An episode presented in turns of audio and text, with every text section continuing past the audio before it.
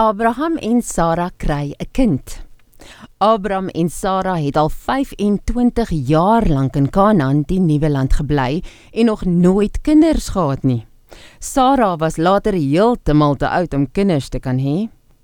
Toe op 'n dag kom daar drie besoekers by Abraham kuier.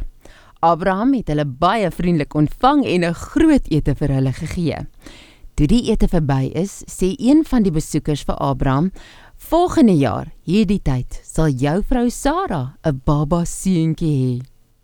Sara was in die tent besig met die kos en het sommer uitgebars van die lag toe sy dit hoor. Sy was dan al 'n vrou van 90 jaar. Toe roep die besoeker na haar en vra: "Hoekom het jy gelag? Dink jy God kan nie 'n wonderwerk laat gebeur nie?" Toe besef Abraham en Sara dat dit al die tyd God self is wat vir hulle kom kuier het en dit het presies net so gebeur soos God gesê het. 'n Jaar later het Sara 'n pragtige baba seentjie gekry. Hulle het hom Isak genoem. Die naam Isak beteken lag, want van toe af het hulle baie gelag. Hulle was baie bly geweest.